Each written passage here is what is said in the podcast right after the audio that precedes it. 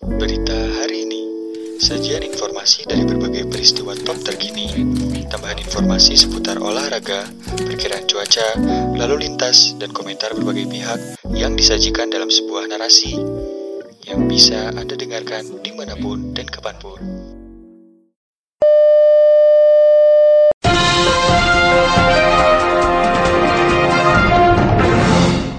Pemirsa baru-baru ini ramai diperbincangkan mengenai Polri yang menangkap sembarangan orang-orang yang mengkritik pemerintah.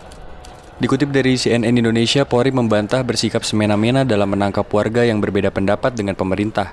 Kepala Biro Penerangan Masyarakat Polri Brigjen Awi Setiono menyatakan setiap penindakan yang dilakukan telah didasari oleh laporan polisi model A ataupun B. Jadi tentunya kami memakai dasar dan tentunya kita berproses berdasarkan konstruksi hukum yang ada kata Awi kepada wartawan di Mabes Polri Jakarta Senin 26 Oktober 2020. Sebagai informasi, laporan model A biasanya dibuat oleh anggota polisi yang mengalami, mengetahui, atau menemukan peristiwa dugaan tindak pidana yang terjadi. Sedangkan laporan model B bisa dibuat oleh masyarakat sipil. Awi mengatakan bahwa saat melakukan tindak pidana, penyidik telah memeriksa setiap unsur-unsur yang mungkin dilanggar oleh tersangka atau terduga pelaku.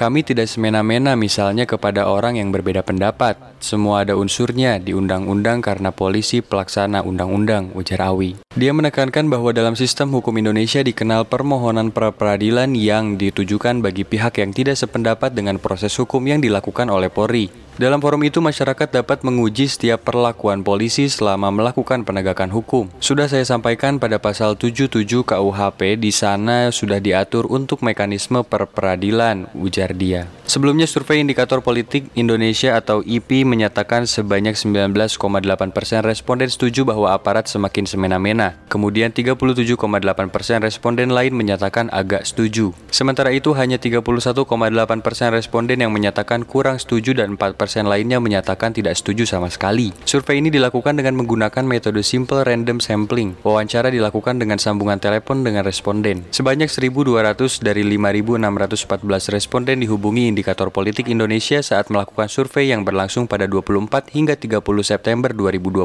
ini. Survei memiliki margin of error sekitar 2,9 persen pada tingkat kepercayaan 95 persen. Pemirsa itulah Polri yang membantah sembarangan tangkap warga yang kritik pemerintah.